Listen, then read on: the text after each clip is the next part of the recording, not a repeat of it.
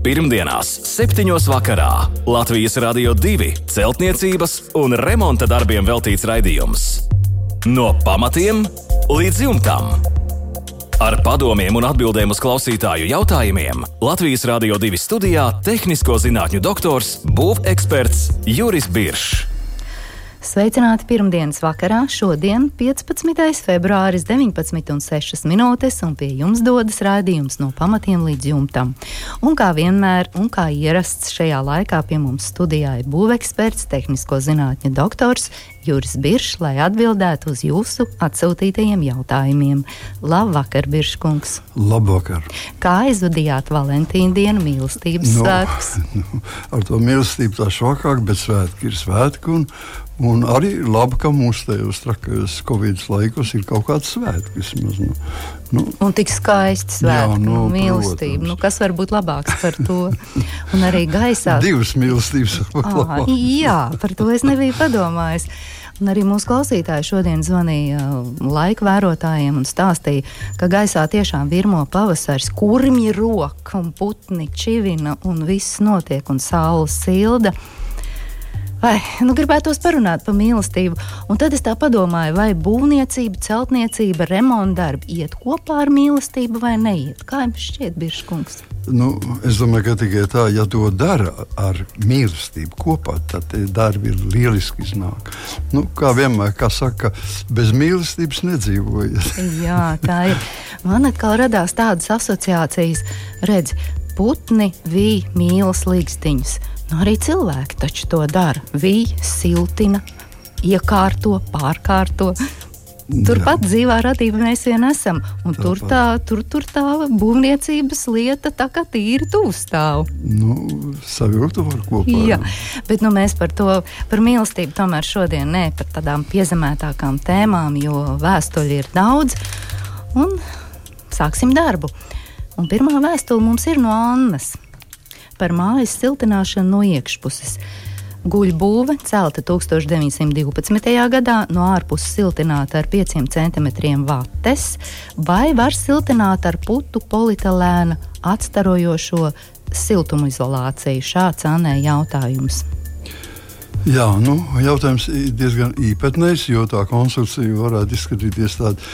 Es teiktu, ka eh, tiem, tiem jaukiem cilvēkiem, kas mums raksta, viņiem vajadzētu mazliet vairāk paskaidrot. Tad arī tās atbildes droši vien būtu derīgākas. Ja? Jo, redziet, ir guļbūve, brīnišķīga koka ēka. Un no ārpuses viņa siltināta ar 5 cm vatu. Vienalga, kāda tā vata arī nebūtu, vai viņa ir minerāla vata vai viņa ir organiskas bāzes, 5 cm nespēlē lielu lomu. Un visa šī ēka tā sakot, elpo. Viņa notiek, notiek uh, gaisa apmaiņa, notiek mit, gaisa, gaisa atrodošos um, tā- tādu ūdens tvaiku caurēja, iespējama. Nu, Kaut kādas apmaiņas procesi ir notiek. Un visa ēka kārtīgi tas sakot, eksploatējas. Arī cilvēks jūtas komfortabli. Un tagad pēkšņi parādās iespēja viņu nosiltināt papildus ar putu polietilēnu atstarojušo siltumizolāciju. Pirmkārt, jau atstarojušo siltumizolāciju, cienījamie klausītāji, tās ir metāls. Tas ir atspoguļojošs plāns, uh, ļoti labi elektrību vadošs metāls. Vienkārši metāla. Nu, ne plāksne, bet metāla folija, bet nu, tīra metāla, nekāds papīrs tur nav. Un Tādēļ viņš nelaiž cauri neko. Un visi šie procesi, kas mums bija nu, sabalansēti, un mēs uh, iekšā jutāmies tīri labi, nebija mums par karstu, nebija mums par mitru vai par sausu, tagad viņi būs pilnīgi savādāk. Tā kā no ārpuses absolūti, es domāju, tad jums pilnībā iekšā jāieved jauna rekuperācijas sistēma, kas pilnībā mm, pārņems savā varā visu ventilāciju un regulēs un ievedīs gaisu un izvadīs to ārā, jo no uz ārpuses vairāk nekas neaizies. Tas ir viens. No, vienīgais, ko var darīt, ja jūs no, sil, no iekšpuses, nu, bet, mīļie cilvēki, guļbūve tiešām dod to ekoloģisko efektu, un cilvēks jūtas labi viņa stūmā. Un ja mēs iekšpusē uzliksim vēl metāla šo foliju, tad viss iekšējie procesi paliek iekšpusē, koks elpos, tāpat tas strādās, viss būs normāli, bet mēs no viņu vairāk mm -hmm. to labumu nedabūsim. Tāpēc es domāju, ka šeit nav pareizi tā doma likt viņu. Kur var likt siltumu, atcerojušo siltumizolāciju? Viņu var likt, teiksim, nu, jumta siltināšanai, bēniņa siltināšanai vēl varētu domāt, izdomājot labas konstrukcijas, kā pareizi to darīt. Bet māju sienas nu, vienkārši ar viņu siltināt. Ir. Tad ir pilnībā jāatsakās no dabiskas ventilācijas, no dabiskā gaisa. Nu, jāpāriet uz rekuperāciju. Nu, skaidrs, nebojāsim guļbūvas brīnišķīgās īpašības. Tieši tā. Jā, paldies par atbildi Annai. Savukārt Gunārs mums raksta, kā pareizi nosiltināt jumta paneļus ar akmens vati, nu, lai nerastos kondensāts. Īsts jautājums un informācijas kopa. Jā. Jā, nu, šeit ir atkal tas pats, ko es atkārtojos. Es labprāt dzirdētu, kas tie par jumta paneļiem. Varbūt tur vienkārši ir betona paneļi, kurus mēs gribam uzlikt virsū akmens vatu un nosiltināt vai kāda savādāka konstrukcija. Te visur ir dažādāk tie ieteikumi. Un, lai mēs saprastos vienādi, mazliet vairāk vajadzētu paskaidrot.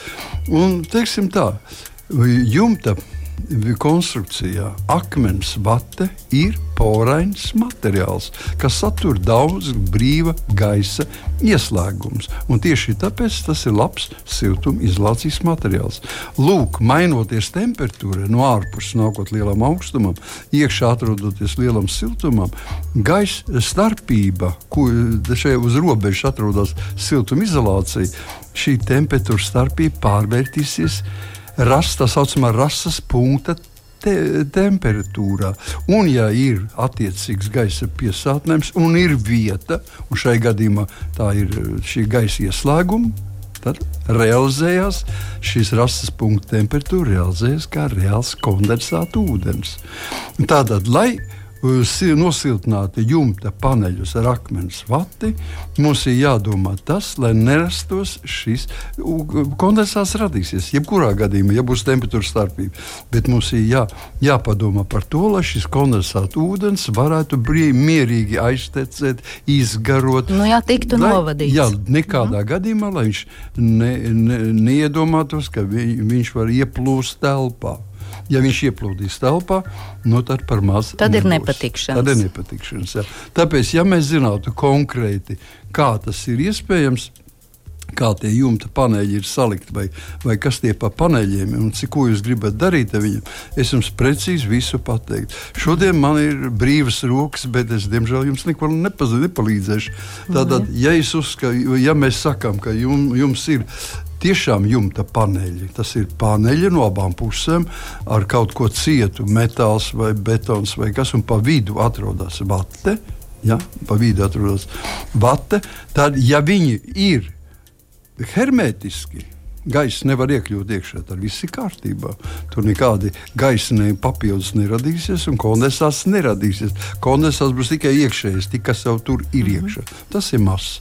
Bet, ja mums ir, mums ir teiksim, vienkārši panelis, metāla vai betona vai koka, un uz viņu uzlikt akmens vata, tad mums ir jāsaprot ar to, ka kondensāts obligāti radīsies starp lielo temperatūru un starp mazo temperatūru. Un tad, lai šīs temperatūra ne, nerastos, mēs virsvates radām parasti gaisa spraugu, kur ar, kurā veidojam gaisa straumi un viņa iznes to lieko ūdeni, stvaikus iznes ārā no šīs sistēmas. Jā, paldies par atbildi Gunteram. Artūrs jautā, kādu materiālu labāk izmantot grīdai? Linoleju vai laminātu, lai būtu labāka skaņas izolācija?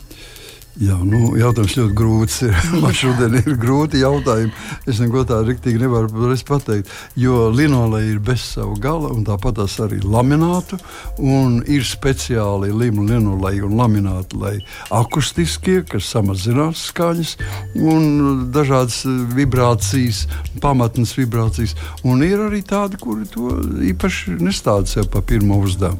Jūs stādāties priekšā, jebkuru linoleju mēs varam uzlikt uz betona uz koka virsmas, uz uh, parketa virsmas, un viņam rezultāts būs pilnīgi savādāks. Ja? Tātad, tāpēc akustisko skaņu pamatā nenosaka linolejs vai lamināts, bet to nosaka grīdas konstrukcija. Un mēs skatāmies, ko tā no kā mēs blēgam. Vai no trokšņa un vibrācijām, kas rodas staigājot pa šo grīdu, vai telpa atrodas kāds skaņas avots, un mēs negribam, lai viņš izplatītos tālāk. Jautājums nu, saku, nav, nav viennozīmīgs. Ja viss, viss pie vienādiem apstākļiem, protams, ka linolejs ir mīkstāks un tad dzēsīs daudzas teiksim, vibrācijas, un lamināts ir cietāks. Ja? Nu, nav mīksta lamināta, ir tikai ciets lamināts. Tāpēc, bet toties viņš ir atstarojošs. Ja? Un tā kā grūti pat tā nav. Mēs teiktu, tā šeit nevar teikt, katrā gadījumā, kas ir labāks. Ja, ja būtu labāks, tad būtu tikai viena veida linolejs vai viena veida lamināts. Jā, paldies par atbildi Arturam. Nākamā mums ir jūra vēstule. Pamatu siltinājums ir XPS putu polisterols. Ir vēlme pie esošā pielīmēt vēl vienu kārtu, apmēram 5 cm, tādu pašu materiālu siltinājumu. Kāda saistviela būtu ieteicama, lai šo darbu varētu ērti, ātri un arī kvalitatīvi paveikt? Un starp abām plāksnēm maksimāli samazinātu jebkādu spraugu. Jā. Divas plāksnes, Jā. polisterola divas plāksnes, un viņš ir jāsalīmē. Es atbildēšu, varbūt tas šoreiz gudrāk, lai atkal neiekrist tāpat kā pirmos trīs jautājumus. Es atbildēšu tikai precīzi uz jautājumu. Tātad, kāda saistība būtu ieteicama? Vislētākā, protams, ir vienkārši līmjava, kuru mēs sajaucam tā, kā to pieprasa mums ražotājs, un uz putu polistirola plāksnes ar ķem, ķemveida mm, špakteli, uzvelkam to ļoti plānā kārtiņā. Teiksim, 5 mm kārtiņā uzvelkam virsmu. Un otru mēs tikai pa plāksni tātad, tikai par kontūru riņķi un piespiežam klāt. Uh, pilnībā izbēgt nu, teiksim, ar, ar līmjavām nevar. Nu, paliek kaut kāda daži milimetri sprauga, kas praktiski lielu nozīmi neveic. Tas ir viens. Protams, ka ir daudz dārgāks paņēmiens ir speciālas līmes, ar kurām var salīmēt šo ekstrudēto putu polistirolu. Labas virsmas, labi, labi nogludinātas, un uz viņām uznes īpašu um, līmes sastāvu, ar kuru palīdzību tiešām var līmēt. Tas ir, ir otrā, otrā atbilde par šo jautājumu. Nu, tas, kad kad uh, jūras saprot, ka nekādas spraugas nedrīkst būt, tas ir pareizi. Tātad starp šīm divām plāksnēm sprauga nedrīkst būt. Ja viņa būs, viņa būs pilna ar mitru gaisu, ar kondensātu ūdeni. Uh mhm. -huh. Jā, paldies! Andra mums jautā, kāds ir jūsu viedoklis, Biržkungs, par mājas siltināšanu no ārpuses, iepūšot materiālu termosaving. Māja ir būvēta 90. gados, celta no gāzbetona, no ārpuses apmūrēta ar ķieģeļiem. Starp gāzbetonu un ķieģeli ir gaisa sprauga no apmēram 5 cm, un Andra vēlas siltināt māju no ārpuses. Jā, nu šeit atkal ir, man kā speciālistam, ir grūti izlavierēt cauri, jo šeit parādās vai nu iepūst, un tas nebūs no ārpuses, bet tas būs starp iekšā pašā konstrukcijā, vai siltināt no ārpuses. Tas nozīmē likt kaut ko virsū uz virsmas. Šeit divi jēdzieni mazliet saplūst. Nu, teiksim, vienu ir sprauga starp ķieģeļiem un starp gāzbetonu un ķieģeļiem gaisa sprauga apmēram 5 cm. Tāda palikt nedrīkst. Nekādā gadījumā viņa ir tukšā vieta, kas atrodas starp ārgaisu un starp iekšveidoto iekš, režīmu, ja siltuma režīmu. Un tāpēc šajā spraugā obligāti veidosies šis kondensāta mitrums, kas pārvērtīsies kondensējušā ūdenī, tur būs slapjums, kas pēc tam lēnām centīsies ienokļūt atkal telpās apakaļ iekšā. Redziet, lai tas tā nebūtu, protams, ka viņi ir jāizpild. Nu, Andra ir salasījusies un tā tāda atkal kādu modernu, jaunu materiālu, termosaving. Es pirm, praktiski pirmo reizi dzirdu tādu nosaukumu, kurā, kurā tā, tā, tāds īpatnējs salikums angļiem tāds varētu būt latviešiem. Nu, tā grūti saprotams, kā. Nu, jā, bet mēs painteresējamies, kas ja? tas ir. Tātad materiāls ir siltumtaupītājs. Ja? Tātad šis siltumtaupītājs varētu būt ielikts iekšā, bet viņam nelaime ir viena. Par cik viņš ir daudz komponentu materiāls, ko iegūst sajaucot polimēru sveķus. Nu, putošanas līdzekļu, ortofosforu skābi, gaisu, ūdeni. Nu, Tātad, sajaucot visus šīs komponentus kopā, mēs iegūstam šos putas, kuras, ja reiz viņas satur polimēru sveķus, viņas ir neelpojušas. Tad viņas saturēs mm, porus, viņas būs gaisīgas, viņas būs siltuma nodrošinošas, bet viņas pārtrauks šo ben, mm, teiksim, apmaiņas procesu, kas mums notiek starp, starp ārā gaisu un starp iekšā gaisu caur ēkas konstrukciju. Gāzbetons ir brīnišķīgs elpojošs materiāls, ķieģelis tāpatās. Un šī gaisa sprauga, kas radīs, radīs un rada visu laiku mitrums, ja viņi būs pilni ar šo termosaving, tad nu, visi šie procesi apstāsies. Bet es ko teiktu, jūs ieteiktu? Nu, es ieteiktu likt citus materiālus. Viss, vis, teiksim, 5 centimetri tas nozīmē vislētākais, visvienkāršākais materiāls ir ekovati. Vienkārši ar ekovati piepūš šos. Tas ir nu, pusstundas jautājums, divas tā mājā. Ja. Mm -hmm. Tas atbrauc zēni un piepūšams pilns ar un elpojošs. Un viņš ir elpojošs uz visiem laikiem. Un, un, un, teiksim, nu, ja, un tas ir teiksim, no 5 līdz 10 centimetriem. Tas ir ideāls gadījums. Protams, ka varētu pie lielākiem vēl pūst arī ar minerālu vatēm, bet tas jau mazliet sliktāk. Pūst ar, ar ļoti efektīviem materiāliem, ar rigiperu 0,35. Tas tāds mazs putu polistirols. Bumbiņas. Melnas, ja, iekšā ļoti viegls materiāls, ļoti efektīvs. Bet 5 centimetri tas ļauj aizņemt tad būs dārgi. Un otrām kārtām prasa ļoti, eh, nu, lai būtu hermetizēts viss šī sistēma. Nebūtu spraudziņš. Nebūtu spraudziņš, kur kas varētu iznākt ārā. Jā, paldies par atbildi. Un Jurim ir arī jautājums, kāds ir jūsu viedoklis atkal tāds āķīgs par SIP paneļu mājām? Jā, nu, tā tad struktūrējošs panelis, jā, SIP panelis. Nu, katrā gadījumā tas ir divas kaut kādas mitrumizturīgas plātnes, vai teiksim, OSB, un starp viņām nu, ir iespiests iekšā. Putu polistirola blīva, blīva putu polistirola masa vai, vai panelis vai plāksne. Nu, mani uzskata šajos jautājumos, jo es domāju, ka bija daudzi, kas jau šajos uh, raidījumos ir piedalījušies. Zinu, ka es tomēr uh, es saku, ka šāda konstrukcija ir derīga daudz kur tur. Nu, teiksim, mēbeļu ražošanā lielisks materiāls. Ja? Bet vai nu skāpim jābūt tik šausmīgi siltam, to es nezinu. Bet nu, katrā gadījumā tad varētu viņš ak akustiskus trokšņus uzņemt, bet izmantot viņu kā siltumizolāciju ir diezgan problemātiski. Tas nozīmē, ka atkal parādīsies papildus izdevumi jums par mitrumu samazināšanu telpās, par ventilēšanu, par, teiksim, um, vai arī otrādi par mitrinātājiem vai gaisa atsvaidzinātājiem un tā tālāk. Un tā tālāk. Parādīsies vesela strīpa dažādu ierīču, kas ko pieprasīs lūk, šis, šis uh, konstrukcija. Šī konstrukcija neko cauri nelaiž. Tātad viņa piebriedīs, ja tas ir OSB plāksnes, viņas piebriedīs un tā viņas arī paliks. Ja. Un, un nekādi teiksim, veidosies mitrums, veidosies neizbēgams process, tas ir pelējums. Nu, tā kā man, ja iekšpusē netiks nepārtraukti veidot kaut kāda ventilējoša kustība, ja, gaisa kustības.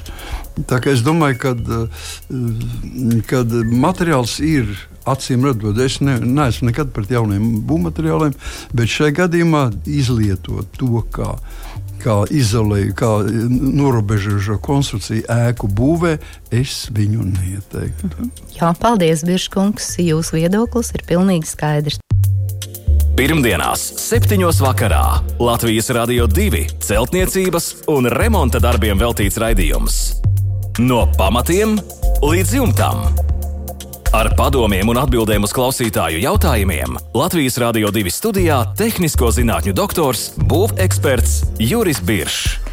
Un mēs turpinām ar Mārtiņu vēstuli. Viņš jautā, kādu metodi labāk izvēlēties koka guļbūves eh, siltināšanai no ārpuses. Guļbūvas sienas nav taisnas, ir diezgan iespaidīgi izliekumi, nu tā sauktie vēderi. Vai var siltināt ar fasādes vates plāksnēm, apmest, krāsot un ko iesākt ar tukšumiem? Vai labāk veidot latojumu un piepūst ar celulozes ekovati un apšūt ar kokšķiedras pretvēja plāksnēm, tad likt armējošo sienu un dekoratīvo apmetumu. Un vai šādam apmetumam nepieciešams eh, papildus gruntēšana, ja izmanto pretvēja kokšķiedras plāksnes, kas jau ir krāsotas? Un vēl jautājums, vai pirms apmetuma krāsošanas jāveic tā gruntēšana? Jā, pamatīgi jautājumi. Daudz jautājumu. Daudz jautājumu, jā, bet Mārtiņš ir pamatīgs cilvēks, viņš zina, viņš grib to darīt. Viņš arī to izdarīs.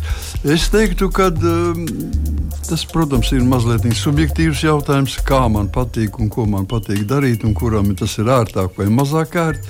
Uh, racionāli skatoties, protams, ka otrs variants ir labāks. Ja ir šie vēderi un tos vēders, pirmkārt, jau ir ļoti iespējams, ka šos vēders var iz, iz, iztaisnot. Jā, jo ļoti bieži mēs lietojam, kad vienkārši mm, mēs pat negribam teiksim, siltināt, mēs vienkārši šīs sienas iztaisnojam. Jā. Ir speciāls metods, kā mēs mm, velkam kopā tos vēderus iekšā, velkam un nodrošinām. Tas ir mehānisks darbs, ko var arī izdarīt tīri konstruktīvi.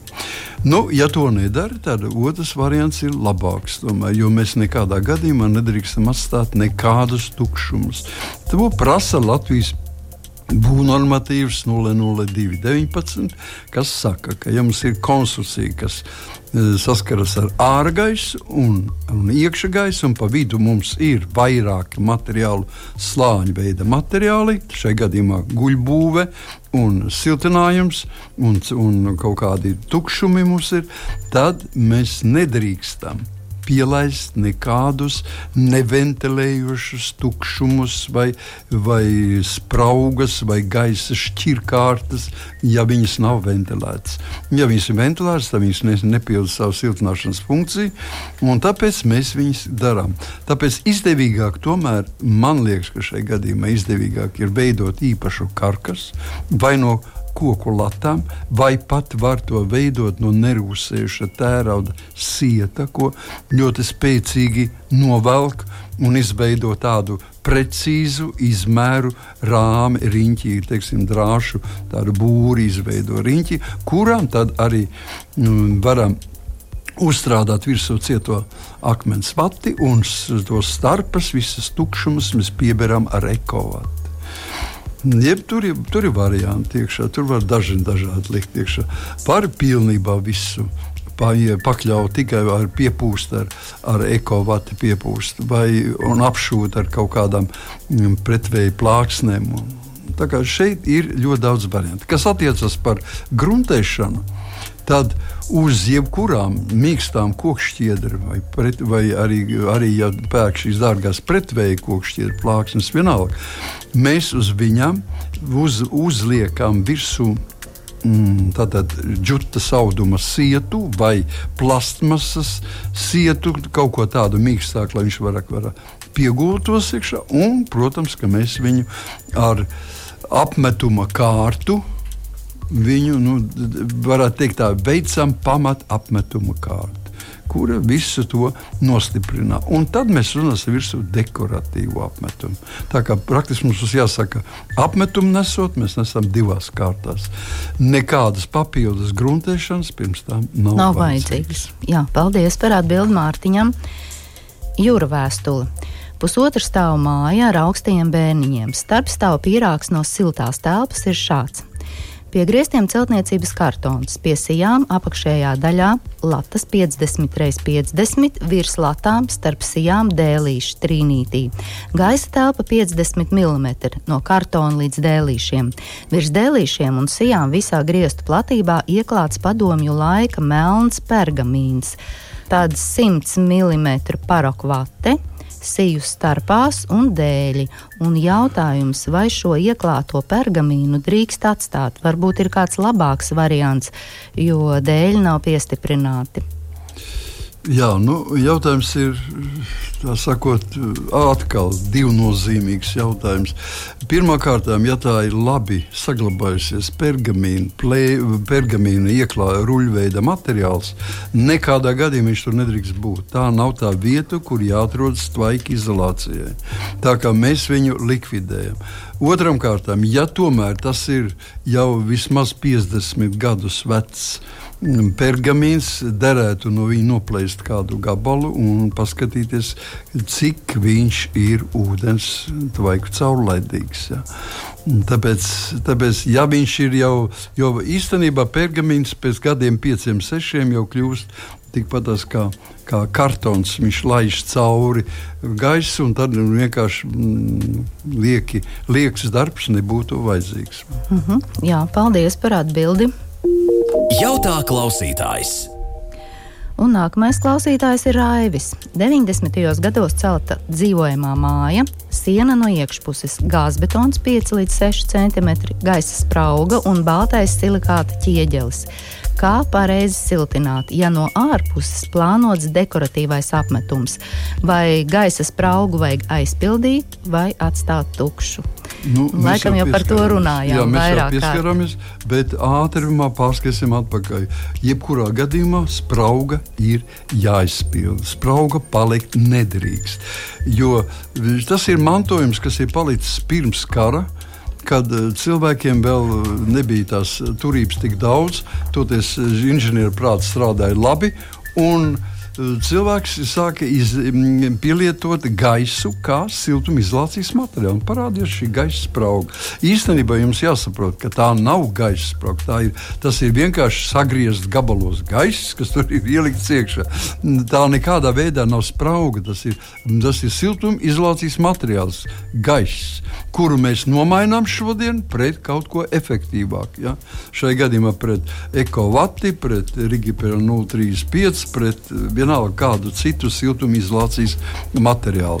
Tā kā tu, šajā gadījumā es teiktu, tāpat tas, kā jau iepriekšējā sacītā, es teiktu, racionālākais materiāls ir uzaicināt e, cilvēks, kas iepūš ekovati un, teiksim, Šī 90. gados celtā dzīvojamā māja, no pusstundas laikā vai stundas laikā viņa būs nosiltināta. Sāks darboties siltinājums jau tūlīt pēc momentā, kā viņu nosiltinās, un būs cits efekts. Un tad var no ārpuses plā, plānot dekoratīvo apmetumu.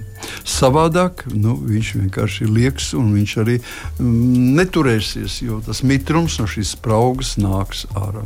Jā, paldies par atbildi Raivim.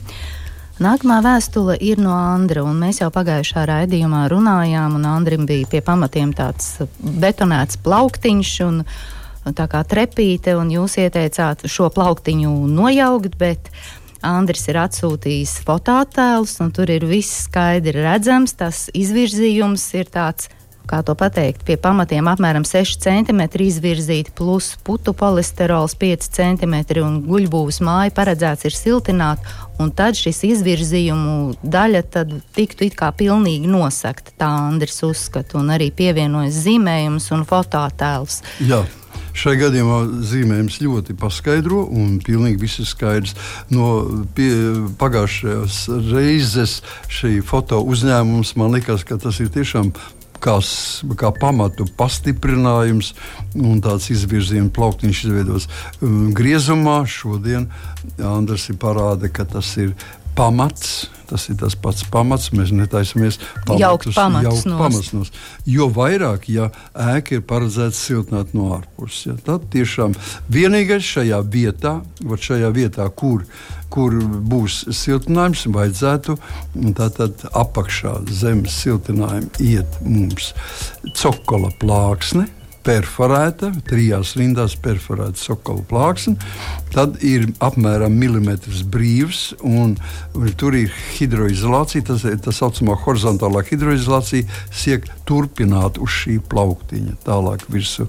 Un to nosedz, nosedz tātad no, no, no ārpuses, nosedz ar no, skārda lāseni, ja, ar skārda mm -hmm. lāseni. Tagad noteikti Andris visu saprata un viss ir atrisināts. Paldies par jautājumu.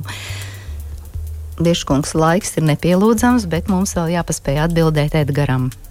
70. gados celtai Līvāna tipa mājai pamatu siltināšanai Edgars plāno izmantot aizvērto poru poliuretāna putas, vai ir nepieciešama hidroizolācija, vai arī tās pat aizno var klāt uz pamatiem, un vai pēc apstrādes putu kārta ir jāizsargā un kaut kā jāapstrādā. Un vēl viens jautājums, vai šis siltināšanas veids ir labs un piemērots mūsu laika apstākļiem, tātad poru poliuretāna putas.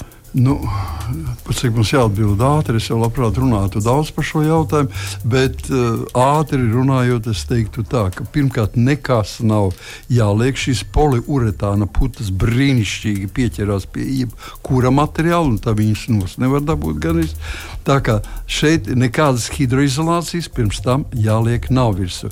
Tās var taisnīt klāt uz pamatiem. Uz pamatiem mēs viņus klājam virsū, nu, ja tie pamati tiešām ir jāsiltina. Es ļoti šaubos, vai šie pamati ir jāsiltina, bet, ja Edgars to uzskata, ka viņi ir jāsiltina, pa sliktu tas nebūs. Es domāju, tas ir vienīgais papildus. Nu, būtu tomēr jāapsver, vai tā nav naudas izmešana. Bet ja to grib, to darīt var. Mm -hmm. Bet vai šis siltināšanas veids ir piemērots mūsu laika apstākļiem? Nu, mūsu laika apstākļiem, mēs tāpat atstāt putekli, uretānu putas, atstāt nevaram. Mm -hmm. Mums viņas būs vai nu jākrāso, vai jāapšuja kaut ko. Un tā kā saules uh, iedarbībā un saules radiācijas iedarbībā šīs putu poliuretāna putas tāpat Trauslas. Tāpat tās viņas tiks sagrautas kā jebkurš putu materiāls. Nu, tā arī ir atbilde. Tā ir atbilde. Jā. Tas ir jāņem vērā, ka pēc gadiem, desmit, teiksim, nu, es nezinu, vai tur būs kaut kas palicis pāri. Paldies, Biržkungs, par atbildi Edgaram. Paldies, klausītāji, par atsūtītajām vēstulēm. Vēlreiz atgādināšu mūsu adresi. E-pasta adrese ir remonds at lr2.lv. Varat arī jautājumus sūtīt, izmantojot mūsu Latvijas Radio 2 mājaslapu. Paldies, Biržkungs, šovakar par darbu, un paldies klausītājiem par jautājumiem. Lai jums mierīgs, jauks vakars! Visu labu! Uz tikšanos! Pirmdienās, 7. vakarā Latvijas Rādio 2 celtniecības un remonta darbiem veltīts raidījums. No pamatiem līdz jumtam! Ar padomiem un atbildēm uz klausītāju jautājumiem Latvijas Rādio 2 studijā - tehnisko zinātņu doktors, būveksperts Juris Biršs.